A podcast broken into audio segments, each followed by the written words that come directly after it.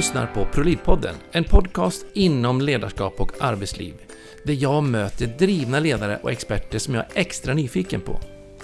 Jag heter Jan Blomström och är affärspsykolog och grundare av ProLid Academy, ett kunskapscenter för just ledarskap och arbetsliv. Vad du har för nytta av allt vad vi gör, ja, där hittar du all information om inne på prolid.se. Men nu är det hög tid att låta dagens gäst få inspirera både dig och mig. Så ge plats i studion så kör vi igång! Hjärtligt välkommen till ProLid-podden säger jag till Fredrik Bardon. Bardon. Hur talar du det? Bardon. Bardon, men det Bardon. är superbra. Det låter bra. Eh, VD på Brights. Helt enkelt. Kan inte, du, kan inte berätta lite grann? Vem är du och vad är Brights för någonting? Självklart. Om jag börjar med Brights. Vi eh, är ju ett företag som jobbar med utbildning eller learning Ja, eh, och försöker eh, att erbjuda effektiv utbildning för vuxna enligt en metod som heter Accelerated Learning. okej. Spännande. Det kommer vi ju fördjupa oss lite grann i under dagen, tänker jag. Och själv är jag eh, ja, men, en man i mina bästa år med två barn från en lärarfamilj. Så att det känns som att jag sluter cirkeln nu efter att ha gjort lite olika eh, yrkesval och karriärskiftningar genom mitt liv. Men tillbaks inom learning och utbildning vilket känns eh, jättespännande. Har du själv jobbat som lärare också, eller är det föräldrarna som har gjort det? Ja, men oundvikligen så har jag vikarierat mycket i skolan när man har två lärarföräldrar. Men jag har inte någon lärarutbildning. Nej. Och vad, vad var de lärare inom då? Ja, men, eh, samhällsvetenskap och engelska. Ja, Och På- min mor är mellanstadielärare. okej. Ja, spännande. De gör ett viktigt samhällsuppdrag, absolut. Och det är spännande att höra att du går in i samma spår och bidrar på ditt sätt utifrån din roll idag. Och det är ju liksom lärande i skolan, grundskolan absolut, men här är ju då arbetslivet tänker jag som jag är lite nyfiken på. Liksom att vi har ju ett läge, man pratar mycket om det här med att ha ett ständigt behov av omställning och nytt lärande. Eh, hur tänker du, hur ser du på liksom behovet av, av det ständiga lärandet på arbetsplatserna idag? Det kan ju vara så att jag lever i min bubbla eh, som här är mycket kopplat till lärande. Men Ja. med det sagt, jag blir ju glad för att jag tycker att det ser att det pratas mer om lärande. Jag tycker att man vågar titta på investeringar om lärare för lärande. För frågar du mig så är ju det av absolut största vikt för att vi som individer ska hänga med, för att eh, vi som nation, om vi tittar på Sverige eller som värld, ska liksom hänga med i Ja. den här utvecklingen av allt som händer i liksom världen. Mm. Och vad, vad har ni för roll i den liksom tårtbiten då? Eller ka- kakan liksom? Men vår bild är att, eller vår roll tycker jag är att eh, ja, men det, det sker ju mycket i världen. Det är digitalisering, det är automatisering, det är elektrifiering, det är klimatutmaningar. Mm. Ehm, och jag kommer säkert använda en del engelska begrepp. Eh, Jag tror jag sa learning istället för utbildning. Ja. Eh, och som jag ser att vi har en viktig roll här för att tyvärr tycker jag att utbildning inte har den status som, den, som vi måste ha. Man tänker på att man satt på någon skramlig eh, träbänk och kollade på någon som hade overhead, om någon är så gammal. Ja. Eh, men men liksom lärande är ju av största vikt och vi har en roll att visa både individer och företag för den delen att det man investerar i både tid och, och pengar Mm. eh, får man tillbaks. Eh, och att ska du inte vara utdaterad så måste du vara uppdaterad. Och då måste vi satsa och fokusera på lärande. Ja, för jag tänker liksom i min roll som affärspsykolog så stöter man ju på mycket det här med, med synen som jag upplever man har förändrat från att man, man lärde sig någonting på skolan och så gick man ut och så jobbar man med det man kunde. Men idag så lär man sig hur man lär sig. För att vad man än lärde sig, eller behöver idag, så lärde vi oss inte det för fem år sedan. Och då är man i ett ständigt lärande. Och det här tycker jag, är ganska spännande. För att dels som att vi behöver hemskt mycket lärande, samtidigt som vi inte har utrymme i våra organisationer att åka på kurs. Och där ser jag ett jättebehov. Och har, har ni liksom ett upplägg som, som hanterar det? Eller hur ser du på det liksom? Håller du med eller har du en annan uppfattning? Men jag delar din bild och jag tycker att det är en viktig sak att ha med. För det ena är ju att det är viktigt att, att ta sig tiden att åka på kurs. Men om du åker på kurs eh, Mm. så måste du veta vad är det du ska få ut av den, varför du är där och hur ska du ta med den in i, i din arbetsvardag. Ja. Men det är lika viktigt, det är inte på kurserna eh, som den stora, alltså lärandet börjar ju inte där eller slutar där. Utan det är ju lika viktigt att bygga in det i vardagen. Hur har vi en lärandekultur på vår arbetsplats? Hur Mm. utmanar mig, utvecklar mig och det. Det kan ju vara både att läsa på en bok, läsa en bok, eh, diskutera med en kollega, eh, ta en promenad och lyssna på en bra podd över lunch Ja. och få inspiration. Alltså det finns ju massa olika sätt att lära. Ja. Eh, och jag är ju väldigt subjektiv här, men jag tycker att det är viktigt att både ge tid för de här kurserna, men också eh, hitta hur ser vi till att vi på vår arbetsplats ger oss möjlighet att utvecklas tillsammans i vardagen. Ja. Och att, jag, jag tänker ofta att man, man liksom har inlärning 24-7, precis som du är inne på, att man behöver liksom ta den där podden, man måste liksom förkovra sig lite grann. Och jag tänker på sådana enkla saker att istället för att man ropar på IT-tekniker när man ska liksom ha någon uppdatering eller koppla in en webbkamera eller någonting, så ta dig tiden liksom och, googla lite grann och kolla upp och lär dig hur man gör, om inte man kan det. Så har man lärt sig lite grann på den lilla punkten. Så det är så miljoner olika små sitt kunskapshöjare i, i liksom vardagssituationer där vi kan höja nivån rejält. Som ett bra komplement och förankra det man kanske då lärde sig på den här kursen. Ehm, Men verkligen. jag, jag Jag, tänker, pratade med en VD på ett företag som just att egentligen fick medarbetarna söka vilken kurs de ville. Eh, inom vissa rimliga eh, förväntningar kanske. Ja. Men att du kunde oavsett prislapp på vad det var. Mot, det motkravet var att när du kommer tillbaks så ska du dela med dig av din kunskap för minst 10 medarbetare till. Ja. Eh, och det tycker jag är ett utmärkt exempel bara hur man kan eh, sprida. Det var en som var på, på den här kursen eller utbildningen. Ja. Men förhoppningsvis var det minst 10 till som fick med sig några eh, knips, tricks och knep från Ja. samma utbildningstillfälle. Och vad viktigt att man kommunicerar det och säger att det här är liksom dealen. Och våga sätta lite de kraven, kallar jag det för. Men ja, mot, ja, någonting att man... om jag investerar som arbetsgivare att du får gå på kurs så vill jag att du investerar, berätta för mina, de, dina kollegor. Ehm, jag kommer så väl ihåg när jag hade en av mina första jobb så var jag på en arbetsplats där vi hade jättemycket att göra. Det var ju superstressigt. Så att, eh, och de var hemskt generösa på den tiden med att vi skulle åka på kurser. Så vi kunde gå på vilken kurs som helst och de sa alltid ja. Liksom, det var aldrig något problem. Problemet var att vi var borta så mycket på kurser så att ingen hann ju göra jobbet nästan. Så att den där stressen vart ju bara värre och värre. Och då tänkte jag, jag var helt nyexad psykolog och jag hade liksom tänkt att ska jag gå på kurser så vill jag åtminstone att det ska leda någon vart. För de flesta kulturen var liksom att vi åker på kurs och vi får vila liksom en dag. Och det liksom tyckte jag, nej det där ställer jag inte upp på. Så, att, så att då ska jag åtminstone leda någon vart. Och då ville jag bara gå på kurser som ger det behörighet i min specialistutbildning som jag skulle gå då. Eh, Så det resulterade i att jag fick ju min, mina de formella kurserna på specialistutbildningen in på nolltid. Eh, Så att eh, det, det är också, tänker jag, just att man har ett tänk i vart hänger det ihop och hur ska vi förankra där vi är någonstans.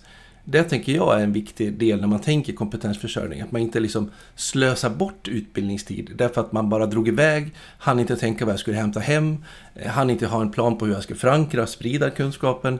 Då är det en otroligt bortkastad kompetens, tänker jag.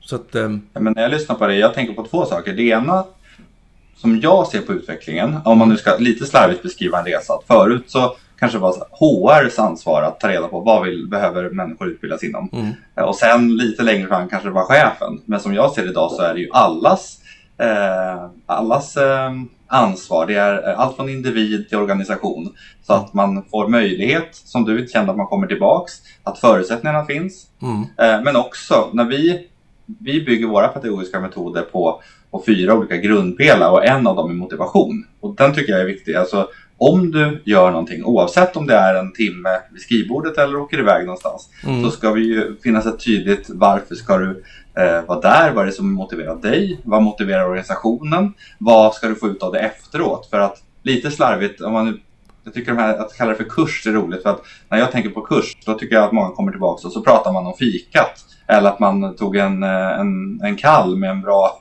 person på kvällen. Eh, Men man vill ju, det är ju en absolut bonus. Men man vill ju att alla kommer tillbaka och knappt kan hålla sig från att prata om allt som händer i lärandesituationen. Liksom. Ja. Eh, och annars är bullarna ganska dyra. Vad är det man utvärderar på de här utvärderingarna då? Hur nöjd var du med lokalen, ventilationen, bullarna? Så att man, man pratar väl om det som man utvärderar kanske. Så att ja, där kan vi verkligen förbättra oss. Och sen ännu mer, inte bara prata om utbildningen utan prata ännu mer om effekten vi får hemma hos oss av den utbildningen jag var på. Eh, då har man ju ändå Ja, och det är ju en brygga till nästa. Jag nämnde ju fyra grundpelare. Ja. Och det andra är ju return of learning. Ja. Alltså, utbildningsbranschen tyvärr har ju ibland ett, ett tycker jag, skamfilat rykte. Mycket för att men, 80% av det vi har lärt oss har ju försvunnit efter bara ett par dagar. Och det är ju sorgligt, men det är ju sant. Mm. Eh, så, så här, return of learning eller return of investment. Alltså, både i tid och investering. Vad är det du får tillbaka av det här? Eh, Ja. Både som arbetsgivare om du ska ta en investering men också som, individ om du ska vara borta som psykolog som du var. Eh, du är ju inte på ditt arbete då. Nej, Utan när du kommer tillbaks, hur, hur, får- du igen den här tiden som du har investerat? ja, för får jag inte igen den då borde jag inte ha åkt. Tänker jag. Exakt. Hur pass konkret behöver man göra där? Har du några liksom tankar kring det? Så hur, hur, hur uttalar man det? Eller tänker man liksom att det är förbifarten man ändå är ute och går till bussen? Liksom, eller? Hur pass formaliserat tänker du att man börjar jobba med det? Return of learningen eller Mm. motivationen? Ja, ja både, bägge då egentligen. Men return of learningen framförallt. Nej, men jag tror att det både för individ och organisation är viktigt eh, och att de där hänger ihop väldigt mycket. Att om vi ska eh, göra en utbildningssatsning, eh, för det första, här, skills first, ytterligare ett engelskt begrepp, men så här, Ja. vad är det för färdighet som faktiskt vi är ute efter att nå här? Ja, Eh, vad kommer det få för effekt i ditt lärande eller på organisationen om vi kan nå det? Eh, vi har, till exempel har gjort mycket utbildning med IT-säkerhet. Olika roller där man behöver vässas och bli vassare på cybersecurity och IT-säkerhet. Mm. Så, så här, men vad är, vad, är, vad är motivationen för individen? Vad vilken skill du ska ha? Inte, eller färdighet, inte lite allmänt utan så här, de här tre sakerna här, det här är det viktigaste, det här är det näst viktigaste, det här är det tredje viktigaste. ja. Och hur fortsätter vi att, leva? Och sen det sista då, hur mäter vi så att vi faktiskt innan vi åker kan eh, om några månader eller ett halvår utvärdera, eh, nådde vi dit vi, eh, dit vi önskade inom det här området? Liksom. Mm. Är, är arbetsplatserna bra på det där överhuvudtaget tycker du? Eller är de mellanbra eller är de urdåliga? Vad är din bild? Nej, men jag tycker att vi blir bättre och bättre. Eh, vi är medvetandegöra, vi försöker. Sen Mm. finns det bättre och sämre. Men största utmaningen, eh, jag läste din bok här som var väldigt spännande. Eh, och det, det vi, största utmaningen jag ser, eh, precis som du skrev i den boken, det är ju att ta oss tiden. Att Ja. vi inte reflekterar för att vi har ingen tid för att reflektera. Mm. För att vi hela tiden springer. Och att ibland skulle vi nog komma längre från mål, om, eller när- närmare mål snabbare om vi stannade upp och funderade, är det här rätt stig? Varför är jag på den här vägen? Finns det några andra alternativa vägar istället för att ha full fart framåt? Ja, Och min liknelse här är ju samma sak kopplat till lärandet. Eh, vad var det jag skulle uppnå? Är jag på rätt väg? Eller, eller har jag liksom kommit tillbaka från den här utbildningen? Livet hände och jag har, ja, men så här, jag tappade mitt mål. Då måste vi stanna upp. Det där var det målet jag siktade på. ja Eh, är på väg dit? Liksom, innan det har gått för lång tid. just det. Och då var det boken Lära, Ledarrevolutioner du läste va? Ja, precis. Ja, spännande. Kul. Ehm, den tredje området då? På er utbildningsplattform?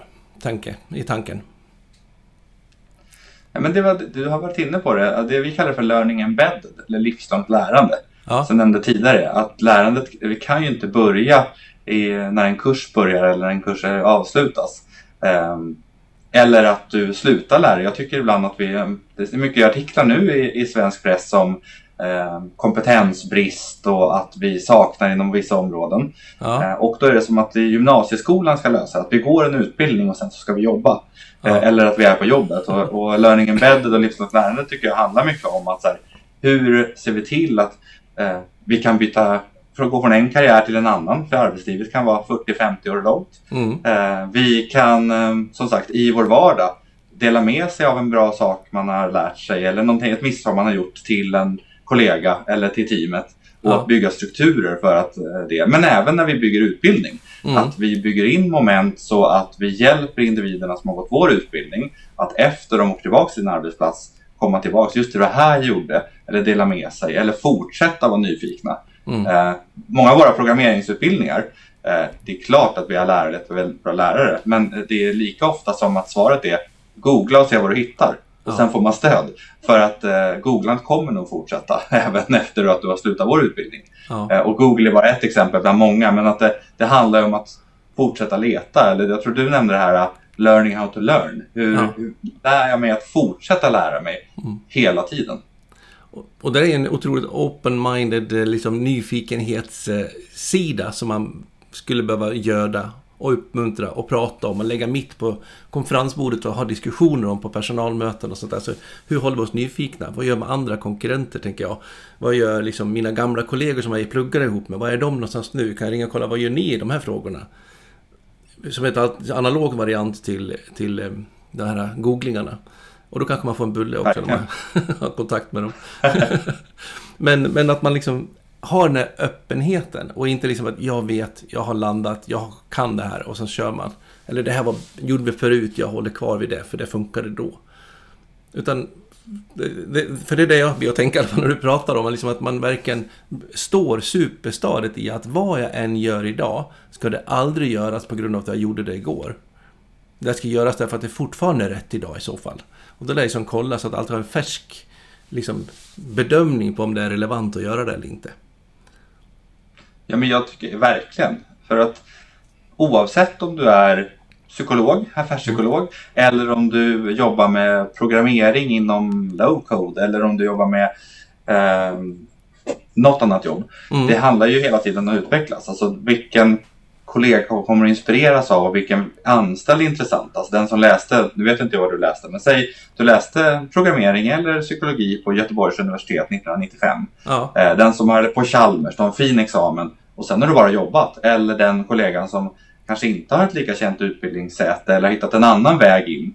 eh, Men har fortsatt uppdatera sig, uppgradera sig, lärt sig, eh, gått på, eh, varit med i nätverk och hela tiden fyller på ja, med ny kunskap. För att det är ju som du säger, alltså att halveringstiden enligt World Economic, World Economic Forum är nere på fem år. Det vill säga att det som du och jag kan, om fem år är hälften utdaterat och ointressant.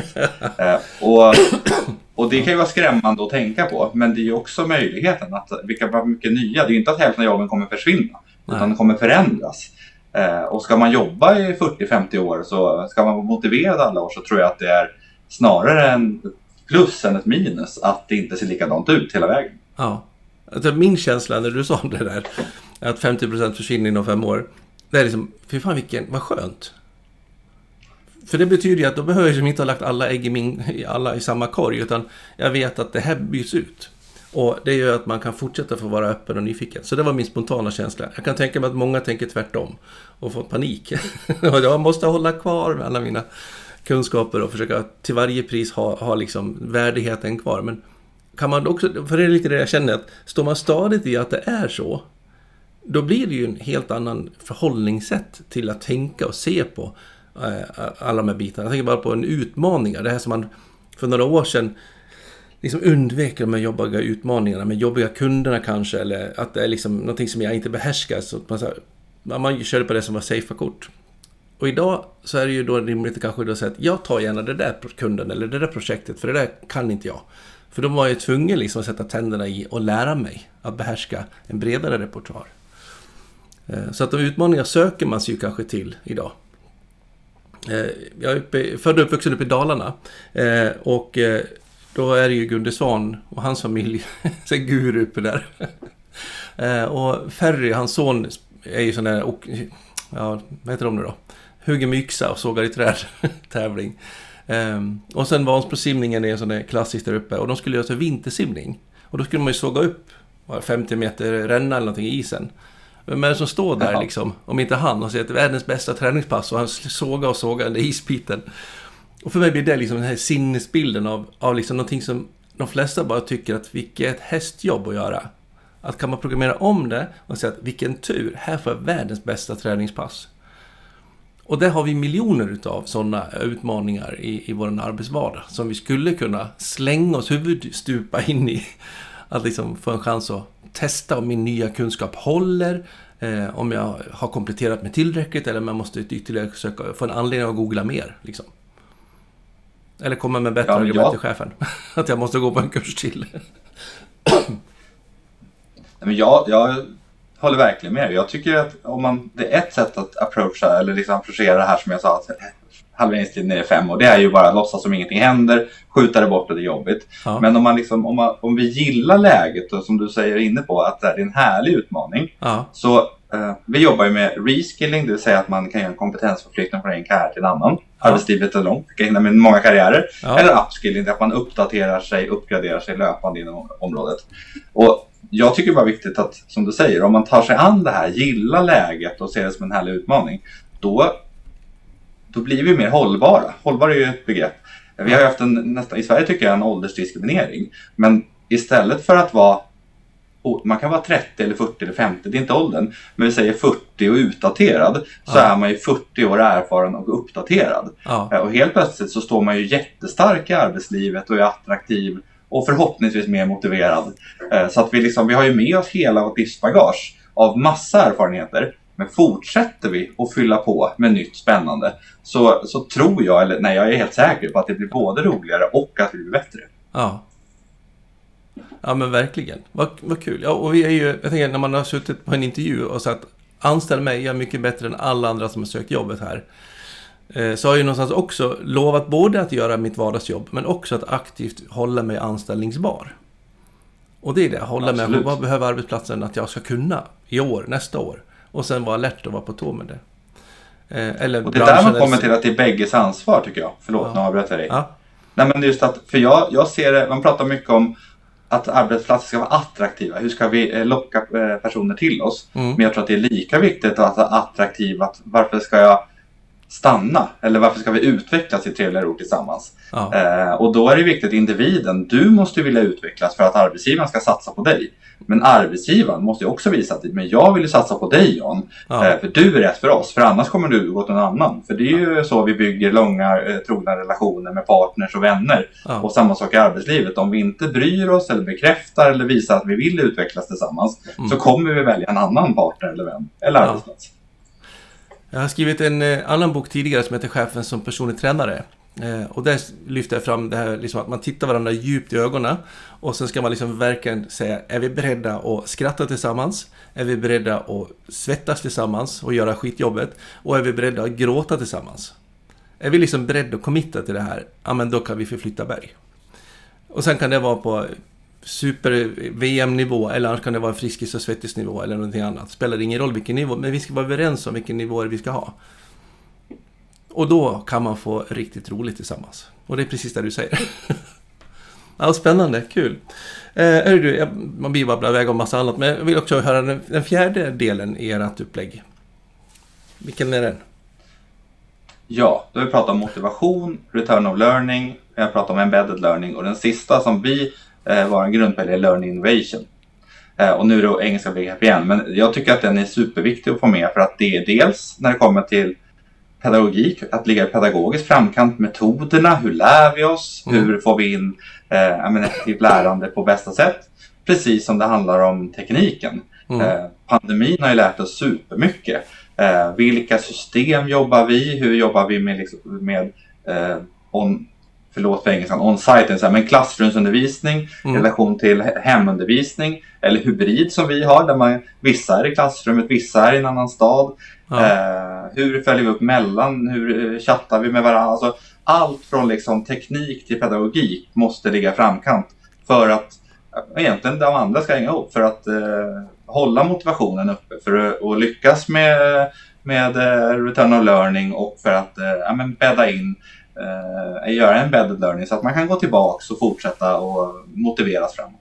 Mm. Så jag Så- tycker att de hänger väldigt mycket ihop men det, man kan inte ta bort teknik eller pedagogik när man pratar om lärande idag för de hänger väldigt tajt ihop. Så ni kör inte så mycket overheadfilm längre? Ni har slutat ta bort overheadapparaten? Ja, den, den fick inte med. Vi öppnade ett nytt campus här. Eh, flyttade in i början på det här året. Ja. Eh, och då overheadapparaterna, de fick aldrig följa med. Nej, det låter bra det.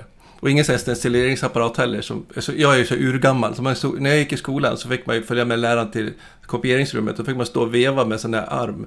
Så, så åkte pappret runt, runt och så tryckte man. Men det luktade ju sprit så det bara... Ja, man bara, det kan ju inte varit riktigt hälsosamt att stått där inne och dragit. Då fick man alla klassen ut sina stenciler. Ja, du ser. Ja, det har hänt mycket. Men det var ju modernt då, så att det Ja, gäller ja. ju att vara framkant i sin tid. Ja. Jag kan bara tala om för alla ni som lyssnade, det var på tiden när Ingemar Stenmark åkte och var som bäst. För då stannade vi alla, så samlades vi i biblioteket och kollade på svartvit TV. Det var det enda vi hade. En flimrig bild. Ja, ja, det var tusen år sedan. Det är skönt att det har utvecklat sig, tänker jag. Och Verkligen. att, att de overhead-apparaterna har försvunnit. De var ju också bra i och för sig när de kom, men... Ja, men, eh, men har man då koll på de här fyra områdena så då blir det egentligen en seriös och modern syn på utbildning, tänker du? Är det så ni tänker? Ja, men ska man förenkla? Sen har, finns det ju massa eh, saker underliggande som, som är kopplat till det här. Mm. Eh, men då hade vi behövt längre än en, en dryg halvtimmes podd. Mm. Eh, men, men som jag ser det börjar mycket med de fyra områdena. Ja. Eh, och sen så gäller det ju att ha väl, alltså väldigt bra lärare eh, och hitta eh, metoder för att säkerställa motivationen, för att säkerställa eh, att rätt person är på plats och går rätt utbildning. Ja. Och, och vi jobbar ju väldigt mycket. Vi, vi jobbar ju inom det digitala området mycket. Vi, vi, vi pratar lärande och vi gör utbildning inom ledarskap och det som soft skills har kallat, vi gillar att kalla det power skills. Mm. Eh, men, men det som jag tror om vi tittar framåt. Eh, det finns superbra utbildningar eh, på massa olika sätt. Online, klassiskt på olika sätt. Men jag, när jag tittar framåt så tror jag att det handlar mycket om att ha rätt metoder. Men också, det är, det är mycket digitala eh, kopplat till digitalt. Eh, Mm. programmering, IT-säkerhet, eh, moln. Men hur vi kan få ihop det med våra power skills, eller våra mänskliga färdigheter. Ja. Hur när vi är i den bryggan. Eh, det tror jag är otroligt viktigt. Eller det, jobbar vi väldigt mycket med. Så att vi, eh, vi har båda benen där. Det, det hå- hårda faktan men det mjuka. Vilka presenterar vi till? Vilka är våra stakeholders? Hur ska vi använda det här i vår vardag? Så Ja. att, liksom att eh, brygga dem samman, det tror jag är superviktigt för effektiv utbildning. ja. En arbetsgivare då som behöver liksom ha en bra utbildningstänk på sin arbetsplats. Liksom, vad- vad, vad behöver de liksom tänka nu, tänker du framöver? 2023 och framåt. Jag tror en sak är viktig. Kopplat till det här halveringstiden och World Economic Forum som jag nämnde. Ja. så har de ju eh, också konstaterat att eh, vi behöver utbildas 25 dagar per år för att hänga med. Ja. Och då behöver man inte här, oj men vi hinner inte skicka våra medarbetare på kurs 25 dagar. För det, är det, det har jag fullt förstått att man inte har. Men jag tror man måste förstå att lärandet det sker eh, som sagt på massa olika sätt. Mm. Och man tittar på oss internt, väldigt många företag har ju friskvårdstimme. Ja. Eh, Vi jobbar med något som vi kallar för Bright Deal. Eh, Deal står för Drop Everything and Learn. Och det är ju för att uppmuntra medarbetarna, precis som i en friskvårdstimme, Mm. att ta sig tid på arbetet för att eh, men utbilda sig. Det kan vara gå en webbkurs, det kan vara diskutera med en kollega, det kan vara, det kan se ut på olika sätt. Men vi vill uppmuntra, precis som att man i friskvårdsbidraget, man kan erbjuda olika typer av träning, för det gör vi. Någon Ja. gillar yoga eller säga vi har någon Excel-kurs för någon prestationsteknik eller projektledning. Eh, men det handlar lika mycket om att individen själv ska känna men jag, min arbetsgivare ger mig tid på arbetstid för de vill att jag ska utvecklas. Ja. Eh, för att precis som vi vill att människor ska leva hälsosamt så vill jag att mina medarbetare ska lägga tid på sin utveckling och liksom tända den här gnistan eller lågan av att vilja lära mer. Mm. Så det skulle jag säga, det är det första jag hade rekommenderat. Hur kan man liksom börja bygga intresset och ge, ge möjligheter för lärande? För, du ska inte bli för långrandig, men det finns ju, precis som med träning, det finns ju vissa personer som tränar hur mycket som helst ändå. Men det finns ensamstående föräldrar som inte hinner göra några saker utanför arbetstid. Man få tid på jobbet. Ja. Det kan finnas eh, team som har alldeles mycket att göra. Då måste de veta, men vi vill att ni använder den här tiden, även fast det är mycket. Då får vi gå ner lite i tempo och fokusera för att vi kanske löser den här deadlinen, men jag vill att du ska vara här och utvecklas över tid. Ja. Nu har lösa många deadlines. men, men jag tycker det är en viktig start. Ja. Jag tänker bara idag, på morgonen innan eh, vi hade våran träff nu, eh, så stod det i nyheterna att eh, Elon Musk har skickat ut mejl till, till Twitter-personalen att om inte ni jobbar stenhårt så får ni gå. Och så skulle de ha någon dag på sig att skriva under på att de går med på att jobba stenhårt. Jag tänker det talar kanske en, ett, ett annat spår än det du pratar om här. Så att eh, hur man kommunicerar och, och lyfter fram och viktar och säger att det är okej att gå ner i tempo för vi tycker att de här, de här frågorna är viktiga. Är ju ett otroligt viktig signal, tänker jag, som ledning. Att liksom ha det både i ett beteende men också få ner det gärna i, i, i, i dokument och att det, liksom, det är så vi jobbar, det är så vi ser. Så att det blir uttalat, tänker jag. Men jag säger ganska mycket, om man tittar på konsumtion, mm. så var vi för många år sedan, det var mycket slit och släng. Vi köpte, vi förbrukade, vi kastade. Ja. Eh, och det liksom skapade utmaningar för planeten och för eh, en massa olika områden. Eh, och jag ser ganska likt på arbetslivet, hur vi under vissa år inom vissa branscher har jobbat lite för mycket slit och släng. Vi tar in, vi förbrukar och sen så är man inte eh, aktuell längre och då eh, kom, eh, är, man, är man inte aktuell längre. Ja. Men hur vi kan bli mer hållbara, att vi, vi får i den digitala världen, det, det är längre onboarding. Det är viktigare att har vi rätt personer som är engagerade för dig som företag, men då kan du ta dem till nya områden. För att tempot i vad man ska kunna går så fort. Ja. Så att har du rätt person med rätt inställning och rätt, äh, rätt äh, förutsättningar, ja, men varför inte satsa på den personen? Så den kan lära sig mer inom något område som vi har behov av framåt. Ja. Ja, men då har i alla fall lärarna, eh, ledningen har uppmuntrat att lärande är viktigt och bra. Vad behöver man tänka mer? Men jag tror att det är superviktigt så här. Ja. Eh, man har länge pratat om vad är affärsplanen? Vad vill vi vara? Vad är vår affär? Vad ska den vara om två, tre, fem år? Ja. Eh, det har vi pratat om länge. Allt eh, vanligare sista tiden har varit att man pratar om people plan. Vilka är människorna som ska göra det här jobbet för att ta till affärsplanen? Ja. Och jag skulle vilja lägga på ett tredje perspektiv. Det är ju en skillsplan. Alltså vilka skills eller vilka färdigheter är det som kommer behövas? För att det här är vårt affärsmål. Det här är människorna. Men om människorna ska ta oss till det här affärsmålet, vilka färdigheter behöver de ha ja. idag? Men också vad behöver vi börja förbereda så att vi är på plats eh, om tre år? Och då mm. tror jag att det är lika viktigt, men, de här människorna som vi har runt oss i teamet eller på företaget, vad behöver de utvecklas inom? Men också vad, kanske, vad är det för, för färdigheter som kommer behövas längre fram? Så att man kopplar ihop människor och skills eller människor och färdigheter för att nå affärsmålet. Ja.